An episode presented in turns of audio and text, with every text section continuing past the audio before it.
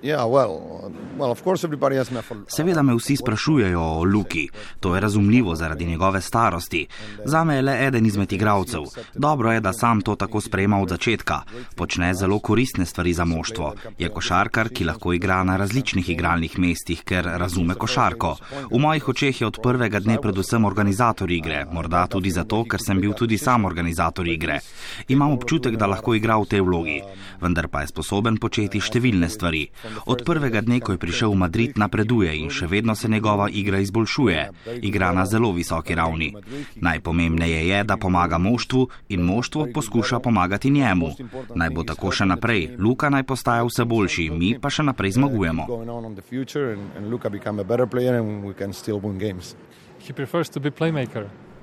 Luka želi biti organizator igre.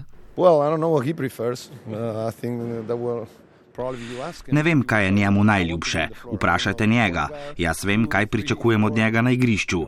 Ne glede na to, ali je na mestu organizatorja, branilca, krila ali krilnega centra.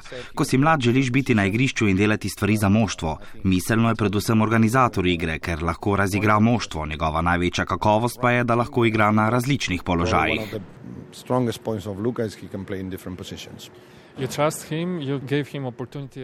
Zaupate mu, evroligaško priložnost ste mu dali že pri 16 letih, zdaj pa ga pošiljate v igro v odločilnih trenutkih tekem. Always, I,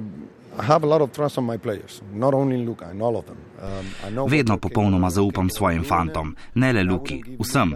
Vem, kaj so sposobni narediti. Ne bom dal Luki možnosti, da počne nekaj, česar ne zmore. Vem, kaj zna. Priložnost je dobival postopoma, soigravci so ga sprejeli, vedo, če se je sposoben. To je stvar inteligence z obeh strani. Soigravci vedo, kaj mu reči. Luka, poglej to in to. Pogosto ga pošljem v ogen še bolj agresivno, da ga spodbudim. Pravijo mi, zakaj kričim na in mu razlagam. To počnem, ker verjamem, da je te stvari sposoben izpeljati. Seveda mora še veliko stvari izboljšati. Vesel sem, kako se je tega lotil v preteklih letih in koliko je napredoval.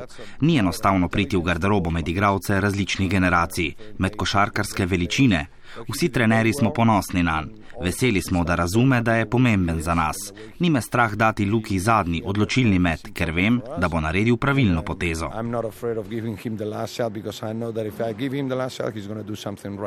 Vas Luka posluša, se vklopi v sistem.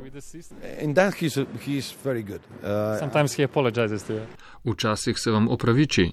Well, yeah, but it's normal. I think that he understands he got a lot to learn. To je normalno. Zaveda se, da se mora še veliko naučiti. Ne obnaša se kot zvezda. Ve, da je v moštvu, v katerem je veliko zvezd. Sergio Ljul, Rudi Fernandez, Felipe Reyes, Randolph. Vsi moji igravci so zvezde.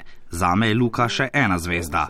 Seveda me vsi sprašujejo o njem, ker je star šele 17 let, vendar zame je zvezda kot vsi ostali, nič bolj in nič manj. To mi je všeč pri Luki, takoj se je uživel v to. Razume, da mora trdo delati, da lahko igra v tem moštvu.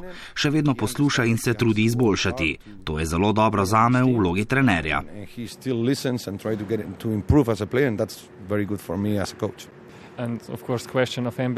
Seveda še vprašanje o NBA. Ali lahko Luka zablesti v NBA ligi? Well, I don't know. NBA future. I don't, myself, I don't think too much about future. I think he shouldn't be Ne vem, MBA je prihodnost. Ne bi smel razmišljati preveč o tem. Jaz ne pretiravam z razmišljanjem o prihodnosti. Igra v dobrem moštvu, na visoki ravni, v enem najboljših klubov v Evropi. MBA je seveda v igri. Razmišljati mora o jutrišnjem dnevu. Jutri bo nov trening, nova tekma. In potem bodo zagotovo prišle dobre stvari. Če bo začel preveč razmišljati o prihodnosti, bo slabo zan, potem gre vse narobe. Ne bo razmišljal o tem, kar se dogaja zdaj. Luka je pameten in ve, da ima pred seboj še dolgo kariero. Ima 17 let. Glede MBA in prihodnosti pa se nikoli ne ve, kaj se bo zgodilo. Če bo Luki uspelo, pomeni, da je dal veliko realu, da igra odlično in ga je MBA opazil. Vendar nikoli ne vemo, kaj se bo zgodilo v prihodnosti. That's very good, but you never know what's going to happen in the future.